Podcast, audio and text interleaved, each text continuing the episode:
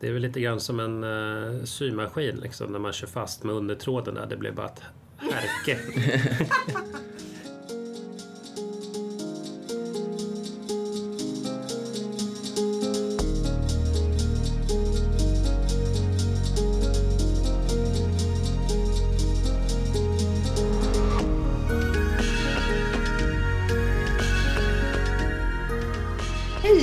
välkomna till Utrikeshandelspodden, en samtalspodd från Kommerskollegium, Sveriges myndighet för utrikeshandel, EUs inre marknad och handelspolitik.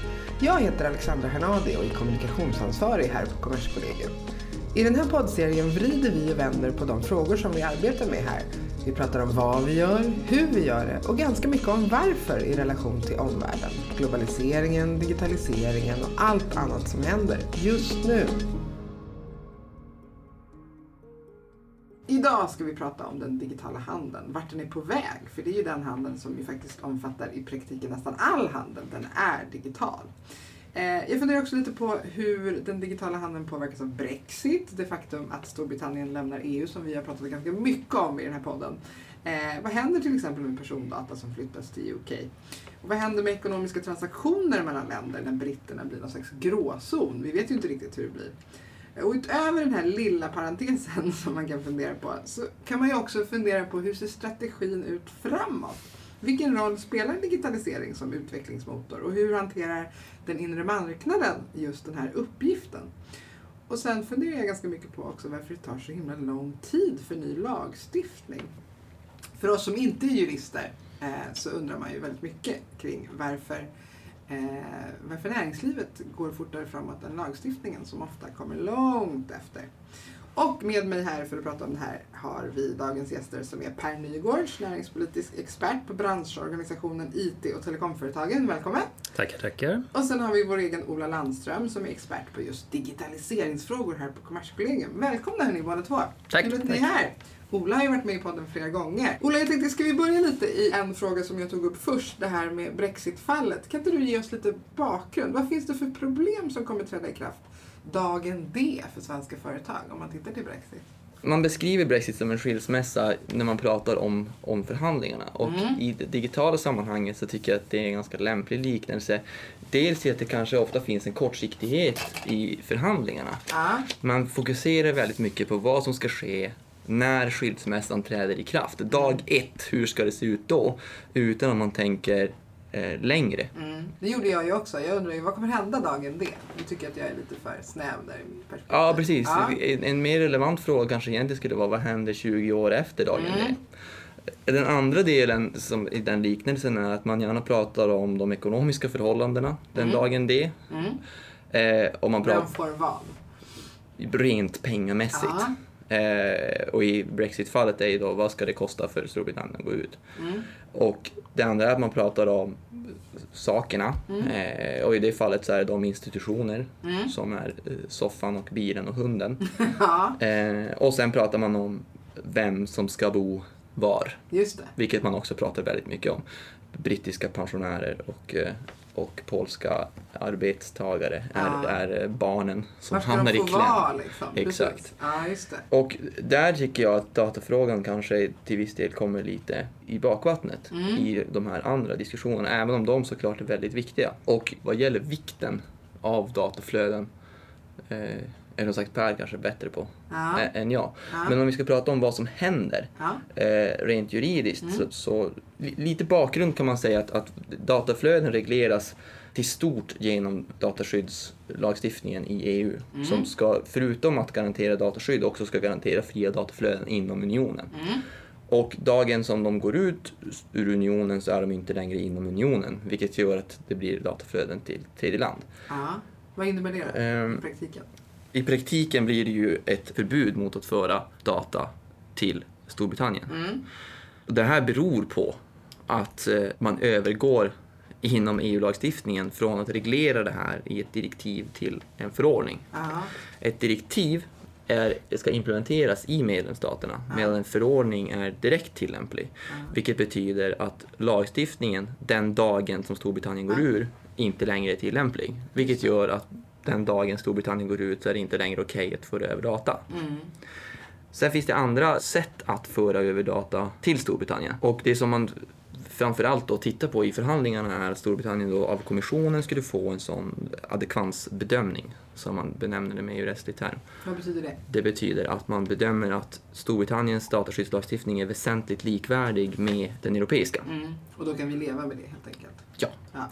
Då kan man tycka att det borde britterna få eftersom att de har kopierat den, den europeiska dataskyddslagstiftningen ord för ord. Ja. Problemet är att man börjar titta på väldigt mycket andra aspekter. Ja. Och där kommer andra saker in som till exempel den datalagringslagstiftning som man har som nyligen varit underkänd även i Sverige. Mm. Eh, och det målet riktade sig mot Storbritannien och Sverige. Mm. Det heter Tele2 Watson. Så det var dels svenska Tele2 som åkte dit men också eh, Sverige åkte dit, inte Tele2 ska sägas. eh, Mm. Ja. Så det var både Sverige och Storbritannien som Mm. träffades av den här. Så där har liksom EU redan underkänt Mm. den brittiska lagstiftningen. Sen kommer ju Storbritannien också att behöva handla med andra länder Mm. när de går ur. Och där kommer ju dataskyddsfrågan att och dataflödesfrågan framförallt att bli en, en, en parameter att ta med i beräkningarna. Mm.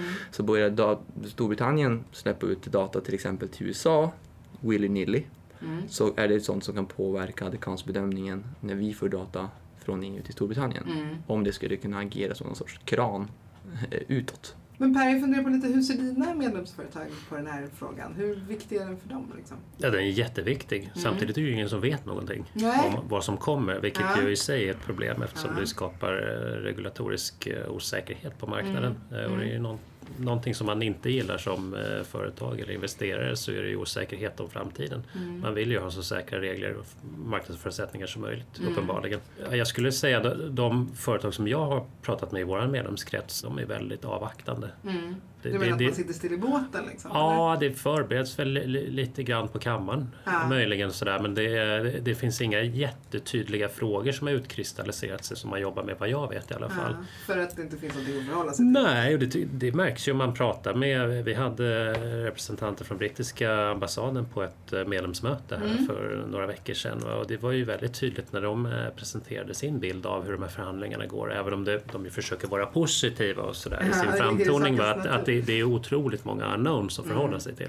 Mm. Eh, lite som Ola beskriver här också med, med framtida relationer med UK Mm. då, Mm. EU mot UK och U- UKs relationer med, med tredje land då, eller fjärde land som jag tror att du beskrev det tidigare här Ola. Eh, det, det blir ju väldigt eh, regulatoriskt invecklat. Va? Ja. Så att det, det är klart att det, det får en passiviserande effekt på marknaden och jag har svårt att se det på något annat sätt. Mm. Ja, det påverkas ju också att de alternativ som företagen har, det Ja. finns utöver adekansbedömningen så Ja. kan man använda sig av någonting som heter standardkontrakt som Ja. eh, kommissionen utformar. Och de är föremål för en rättsprövning. Ja. Rättsprövning tar några år, så att typ om ett par år så kommer vi få veta huruvida de är, och ska man lägga massa pengar på Här kommer tidsperspektivet in. ja, att mm. utforma sin organisation efter någonting så är det bra att veta att det håller mer än ett par år. Mm.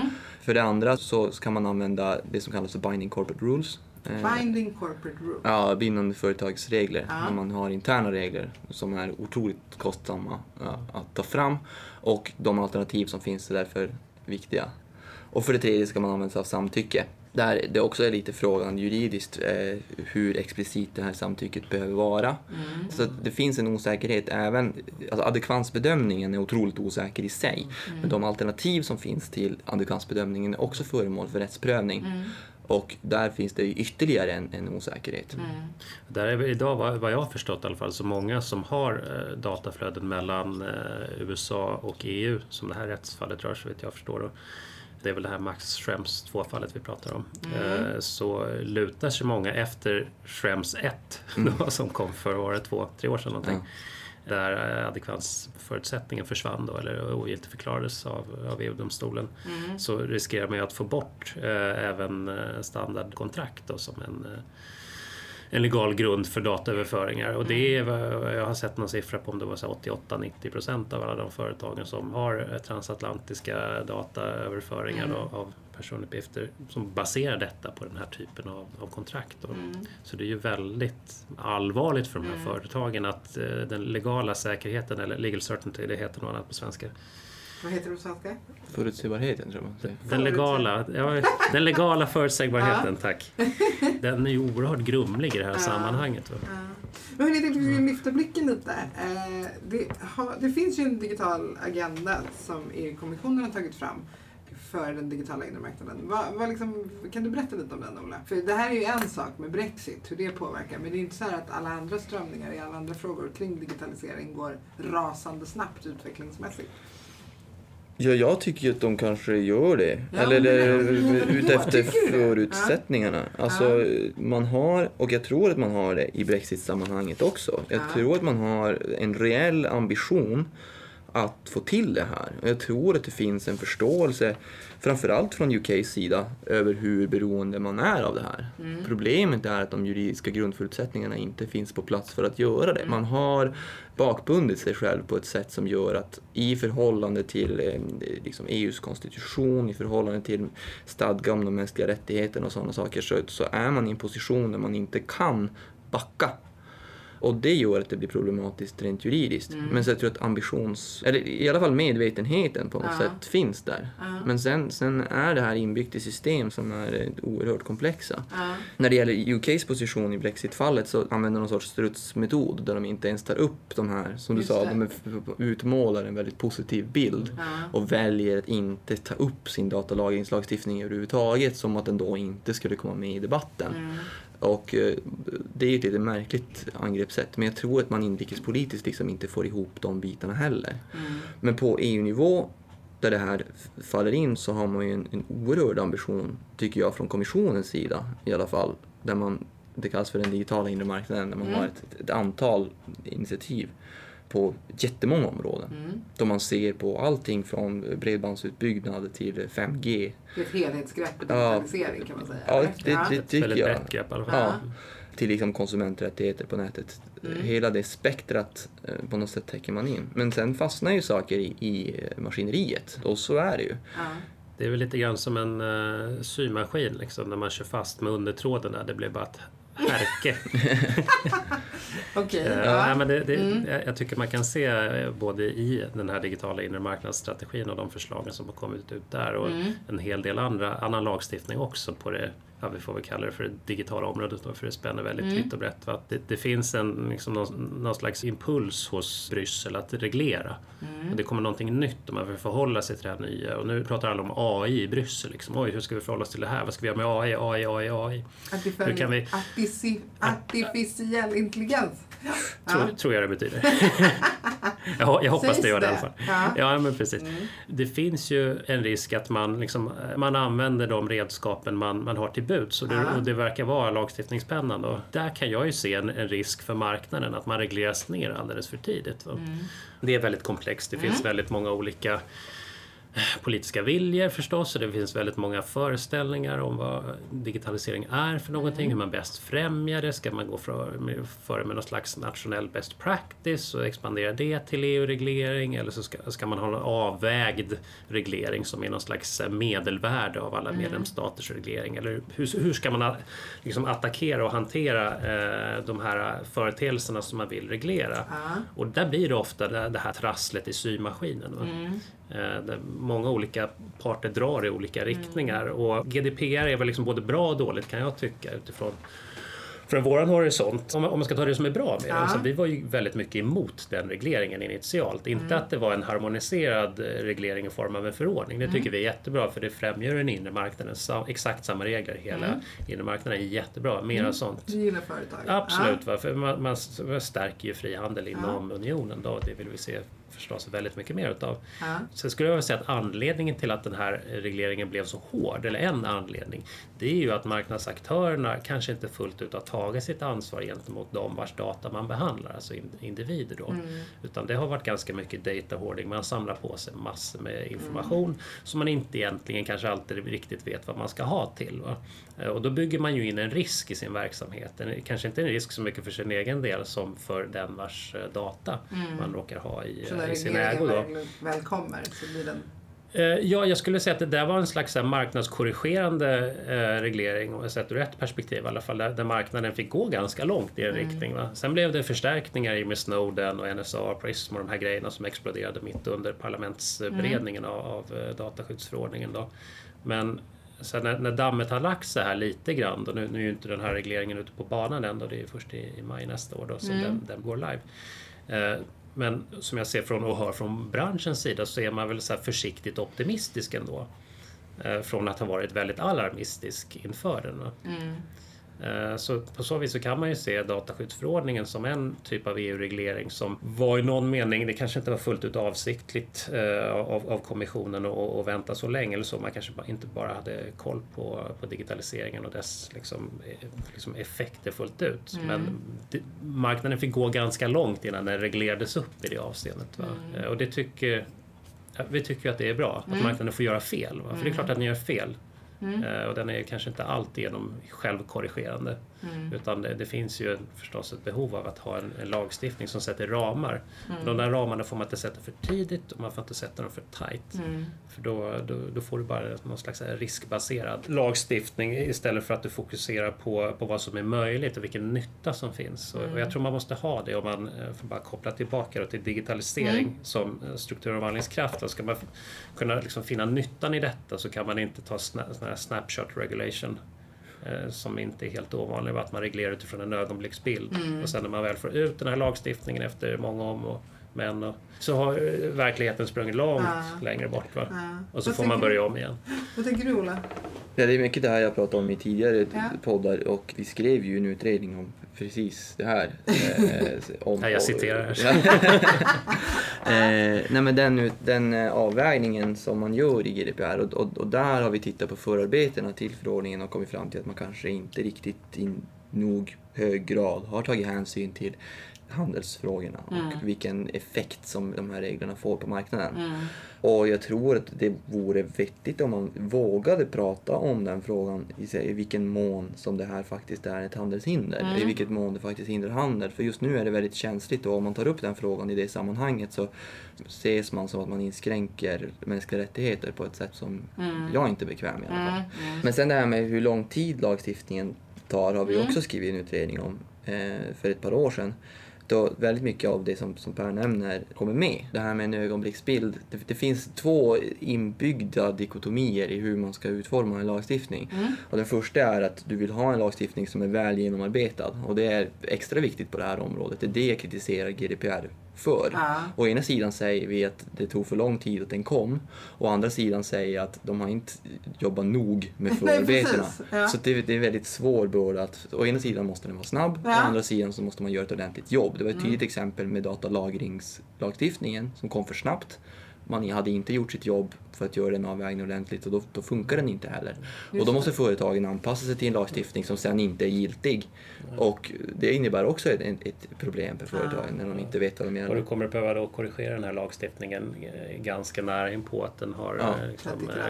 ut på marknaden och. Och det andra är att den ska vara transparent så att man ska veta vad som gäller i lagstiftningen. Mm. Och, men man måste också ha, ta höjd för en teknikutveckling och till neutralitet. Mm. Så att hur man då utformar lagstiftning och ju mer höjd du tar i Mm. neutraliteten desto, desto Mer mer tappar du i, i transparensen. Mm. Så att de där står emot varandra också. Och, och det är otroligt svårt att hitta en avvägning mellan alla de här fyra Mm. parametrarna. En aspekt till där är ju också eh, hur detaljerad lagstiftning man har egentligen. GDPR, så vet jag kan bedöma i alla fall, är, en eh, åtminstone väldigt omfångsrik reglering. Det är, den är väldigt extensiv sett till liksom la- lagtext. Ja. Sagt, det är väldigt, väldigt mycket att förhålla sig till. Va? Och ju mer du går in på och ska reglera på, ner på sån detaljnivå, ju svårare kommer du att ha att få den där att fungera på en marknad som, där villkoren förändras. Va? Mm. Och jag menar, är det någonting som den här ja, digitaliseringen, om man kallar det för det, vad det nu äntligen är för någonting. För, Mm. Men utvecklingen då kan vi väl Ja, den Ja. teknikdrivna samhällsutvecklingen kanske Mm. man kan kalla det för. Mm. Är, är, är det någonting som, som beskriver den väl så är det att villkoren förändras väldigt fort. Mm. Fortare än vad man kanske kan se och förstå ibland. Mm. Och där blir det ju jätteknepigt om man då ska liksom ha en vettig reglering av marknaden som har någon form av hållbarhet som inte har ett jättekort bäst före-datum. Mm. Och då, jag har svårt att se att man då kan gå ner på detalj och reglera Mm. allt för mycket den här typen av företeelser utan att man kanske skulle totalt sett vara som samhälle var gynnat av att man hade en mer liksom utzoomad reglering. Mm. Ehm, och att man är beredd att i efterhand reglera upp. Va? Mm.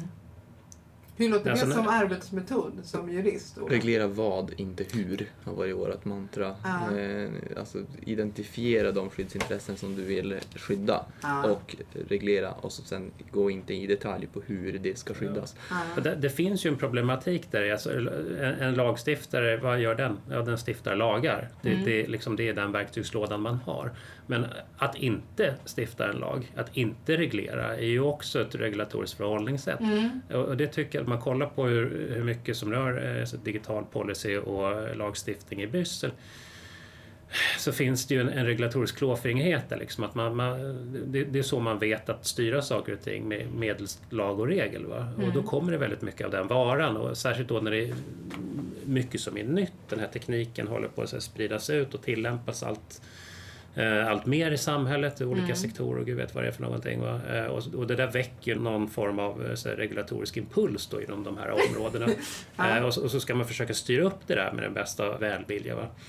Risken då är ju att om man inte förstår den här tekniken i dess tillämpning Ja. eh, och potentialen, den är, i och med att den är väldigt generisk eh, och kan ta allehanda olika vägar egentligen Mm. som man inte kan förutse. Mm. Jag skulle säga att det är väldigt svårt att ha liksom, eh, möjlighet att prognostisera på lång sikt vad sån här generisk teknik kommer ta vägen någonstans. Mm. Va? Det är därför man är så eh, klurig kring som AI och VR Mm. och AR Mm. och eh, allehanda olika akronym. och där, just att, att låta, för det är ändå marknadsdriven utveckling det här i stor, i stor utsträckning, då, att låta marknaden få, få pröva sig fram men att man som eh, regulator och lagstiftare där är beredd att reglera när marknaden går fel. Va? Mm. När, man, när man går out of bounds så behöver kanske marknaden korrigeras in på rätt Mm. bana igen. Eh, Kommissionen, eller eh, förslaget om geoblockering är en av mina favoriter på det området. Mm. Där Ska man- förklara lite om vad det innebär? I stora drag handlar det om att man vill förhindra att handlare har olika prissättning för olika eh, marknader på Ja, olika nationaliteter. Ja. Eh, sen, sen omförhandlas det där om och om igen och, och blev mer och mer urvattnat på vägen. Men, men jag kan tycka att den, den approachen är att man ser någonstans ett problem i att en barnvagn är dyrare på en svensk e-handlares sida än på en brittisk. Mm. Och man adresserar det problemet genom lagstiftning Mm. genom att säga att det får inte vara så. Ja. Istället för att fråga sig varför är det så? Mm. Där tycker jag att man går in i precis den fällan som Per beskriver. Mm. Sen är ju det ju också inbyggt i systemet att det tar ju, alltså av de 43 initiativ som man har kommit med inom ramen för den digitala inre marknaden har man bara kommit till skott på sex av dem. Det är ju en försvinnande liten del. Kan man tycka, bara rent numeriskt. Ja, men det ligger ju också i trögheten i systemet och där finns det ju kanaler att utnyttja då att föra fram den typen av åsikter om, Mm. om vad man egentligen behöver reglera Mm. om. Och generellt så tittar ju vi på en, en tidsfrist om liksom 10 till 15 år Mm. för att liksom identifiera ett problem till att du har lagstiftning på plats Mm. på EU-nivå. Det är en lång horisont, Mm. framförallt Ja. när det händer så mycket. Exakt. Men en sak som jag tänker på Per, eh, man Mm. brukar ju prata om att företag är ju liksom, ja, de är ju sugna och intresserade av vad som händer liksom nästa kvartal. Och man har kanske inte så långt tidsperspektiv. Hur påverkar det till exempel hur man ser på de här frågorna? Liksom? Är det svårt att, att dundra igång energin i frågor kring till exempel hur ser vi på de här frågorna på så långt perspektiv? Jo, det beror lite på vad det är för typ av företag. Såklart. Ett större etablerat äldre företag som har funnits på marknaden ett tag. De har ju kanske lite andra resurser Mm. och möjlighet att titta lite längre fram. Å Mm. andra sidan är man ju mer trögrörd när man är stor. Ja. Samtidigt så kollar man på var vi har tillväxt någonstans, var har vi nya jobb någonstans i våran bransch. Så Mm. det är ju inte i de stora etablerade företagen utan det är i mindre företag, det är nya företag Mm. som ju har kanske delvis eh, andra behov än de här stora etablerade. Sen finns det ju ofta ett ömsesidigt beroende mellan stor och små. Att Mm. en stor kan liksom få partner som klustrar runt den och sådär. Så Mm. att man, man, har- man får en ömsesidig nytta där. Men jag skulle säga att de här små företagen, det är, det är ändå där vi kommer hitta liksom de, de nya arbetstillfällena och, och den här tillväxten som vi Mm. söker efter och så vidare. Deras, de har ju som du är inne på en, en, liksom en kort horisont. Mm. Va? Alltså det, det, och det, det, måste man ju ha om man ska Mm. etablera sig. Det blir väldigt operativt. Va? Mm. Eh, och det, det är klart att man inte liksom har kapacitet att sitta och följa med vad som händer i Bryssel liksom, eller i några internationella förhandlingar kring Mm. något handelsavtal. Gud vet vad. Även om det kanske är så att det påverkar ens Ja, det, affär det, det kan påverka ens affärer otroligt mycket. Va? Ja. Men, men det, det har man ju inte resurs för Nej. va? och det ska man kanske inte behöva ha. Nej. Men det, det, är, det är också lite grann en utmaning för en, en branschorganisation som oss att liksom Ja. fånga upp liksom, vad är viktigt för de här företagen Ja. som är små, som är Ja. väl otroligt affärsfokuserade och som inte har de här kanske etablerade kontakterna eller för den delen så förståelse för hur man utverkar nya lagar och regler Ja. som stödjer marknaden. Eh, Och det egentligen handlar det inte om bristande engagemang. Jag skulle säga tvärtom att engagemanget är väldigt, väldigt stort Mm. bland många nystartade bolag. Det finns ofta en, en vilja liksom att bidra till samhället på ett eller annat sätt och Mm. till sin eh, sin community eller delbransch, sådär, o- o- olika delar av techsektorn inte Mm. minst tänker jag väl på där, där man har liksom en väldigt stark gemenskap och Mm. identitet. Va? Men, kan jag få, kan jag Men, få, ja, jag hoppar in. Jag var, lite- jag var lite kritisk där då. Ja, ja. Ja. Att, eh. Nej, men om, om, om att inte lagstifta också är att agera någonstans. Ja. Eh, och som du sa i början, att alla eh, dina medlemsföretag har en avvaktande inställning till Brexit. De vi har pratat med. Mm. Då är det också väldigt svårt för lagstiftaren att ta den typen av hänsyn som vi ställer krav på dem att ta. Om vi inte kommunicerar till dem hur viktigt det här är, om vi inte lyfter de här frågorna, om inte företagen... Och det var ett jätteproblem för mig inför GDPR. Vi fick inte något företag att prata, att gå ut med det här, att, att liksom säga hur det här faktiskt skulle påverka dem. Mm. Där skulle jag verkligen vilja efterlysa en, en större dialog, liksom ett bredare diskussionsklimat i de här Mm. frågorna. Jag tror att ett, ett svar, kanske en eh, förklaring, eller bortförklaring, får vi avgöra, eh, till, till varför det ser ut så. Jag, jag, jag kan dela den där bilden. Mm. Eh, Dels så är må- många företag som ändå är engagerade i lagstiftningsprocessen på ett eller annat sätt. Man kommer in ganska, om man tar ur ett EU-perspe- EU-perspektiv då, Mm. om man inte är superstor och har liksom eget Brysselkontor och sådär, så kommer man in ganska sent i processen. Mm. Implementering av direktiv ungefär på den nivån. det. Ja, eh, och det vet jag just, du nämnde dataskyddsförordningen här, det var svårt att få in synpunkter och sådär. Jag tror att den kom upp, eller jag vet att den kom upp väldigt sent på många företags eh, radar. Mm. Därför att man utifrån en nationell svensk kontext, sen visst det är skillnad om man är jättestor och Mm. multinationell, men de flesta bolagen är inte det. Va? Mm. Man ser det när, det när det börjar bli relevant för, eh, för svenskt vidkommande och den här implementeringen av direktiv som man tänker ska komma. Eh, Jag, tror, jag vet många hade inte koll på skillnaden mellan direktiv och förordning till exempel. Att- Att man kunde distingera det Mm. fullt ut. Va? Mm. Eh, Så det blev, det blev ganska yrvaket. Va? Så var det väl delvis även för oss. Va? Att vi, Mm. vi var ganska sent på från både från, från våran sida men även från andra delar av eh, organisations Mm. eh, arbetsgivarvärlden. Mm. Men kopplar vi det här till Brexit så tror Mm. jag att lagstiftaren skulle vara otroligt hjälpt Mm. av att i utarbetandet av en svensk position i frågan, i vad, om vi ska bestämma oss för vad vi tycker, om vi ska försöka komma med input. Vi, det är Ja. svårt att påverka en eventuell adekvansbedömning men hur ett sådant avtal med Storbritannien skulle se ut måste vi lyfta vikten av. Mm. Alltså, Mm. hur påverkar det era eh, liksom HR-avdelningar? Hur påverkar det era möjligheter att sätta upp eh, lager? Eh, era transportlösningar, era... eh, Och därmed er affär egentligen. Exakt, Stort, liksom. exakt. Ja. och, liksom, att föra över data och hur, på vilka premisser man måste kunna göra det. Mm. Så att vi har ett bra förhandlingsunderlag, så att vi Mm. har en, en bra underlag att bygga en position på. Mm. Alltså nu har vi pratat en del om liksom EU och digitaliseringens framfart och så. Men om man ser till liksom företagens bild, hur tycker man egentligen att EU har liksom, hur stöttar EU den utvecklingen? Jag, tror- det beror helt på vilket företag du frågar Mm. och förstås och vilken Mm. marknad man har och sådär. Men det, det jag tycker man kan se om man zoomar ut och försöker ta det på branschnivå där någonstans, det, där jag väl oftast verkar då. Ja. Dels så finns det ju någon slags catch-up-effekt vad det gäller liksom regelförslag med, Mm. med bäring på digitalisering och i förlängningen våra medlemsföretag. Då. Och det tycker jag man...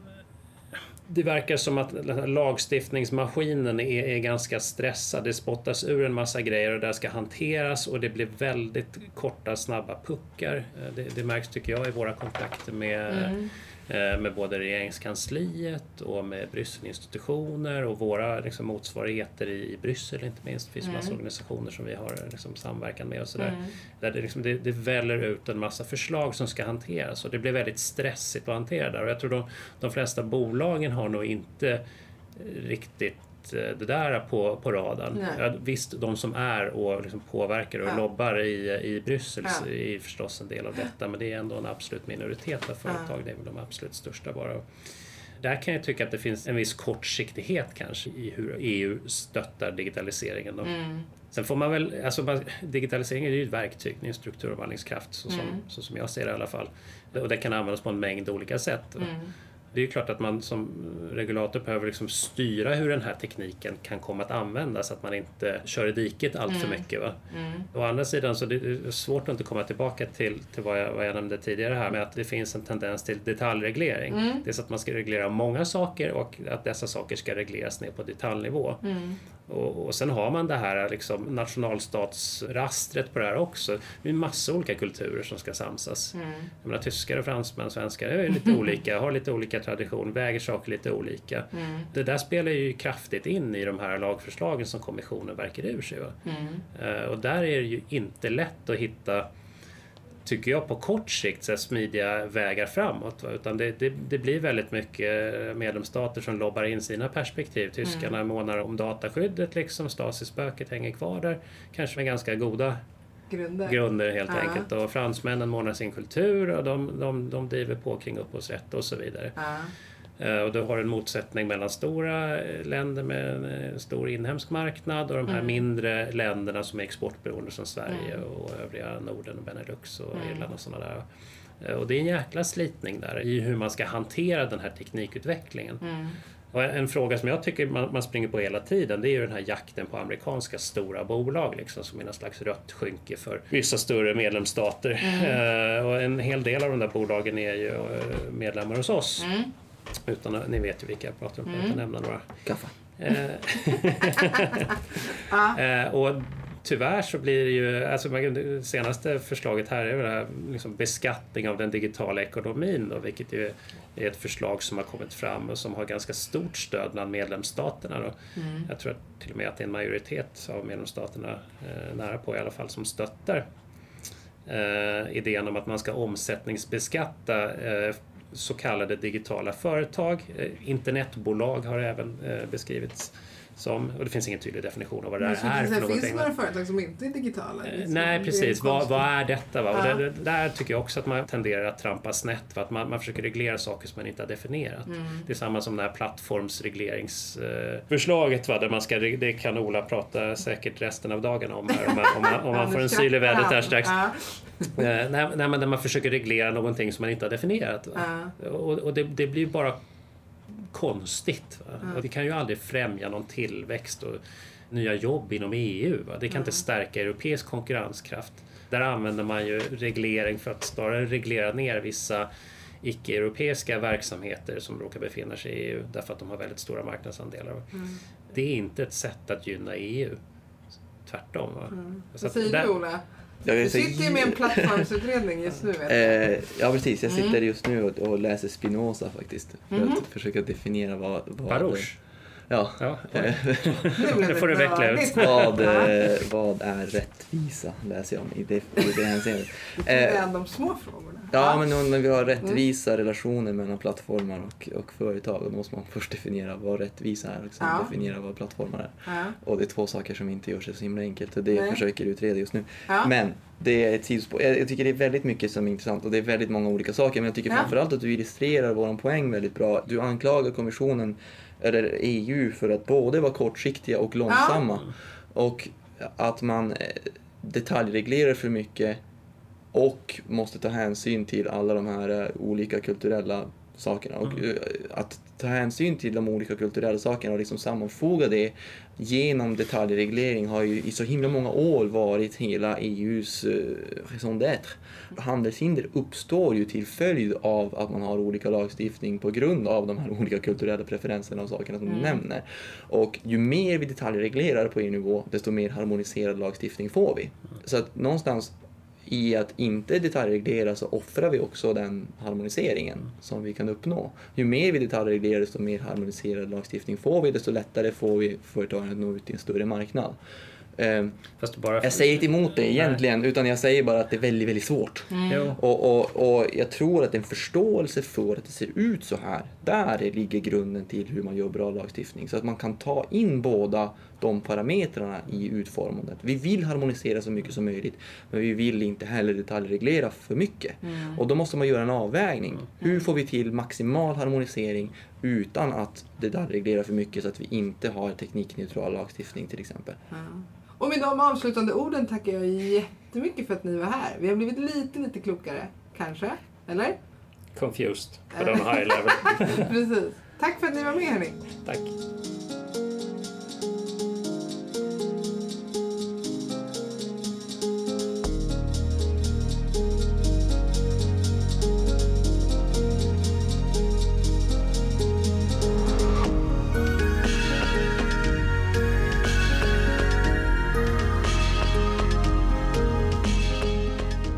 Lyssnat på Utrikeshandelspodden, en podd från Kommerskollegium. Följ oss gärna på Twitter, där heter vi Kommerskoll. Eller läs mer om vår verksamhet på kommers.se, vår Facebook-sida eller LinkedIn.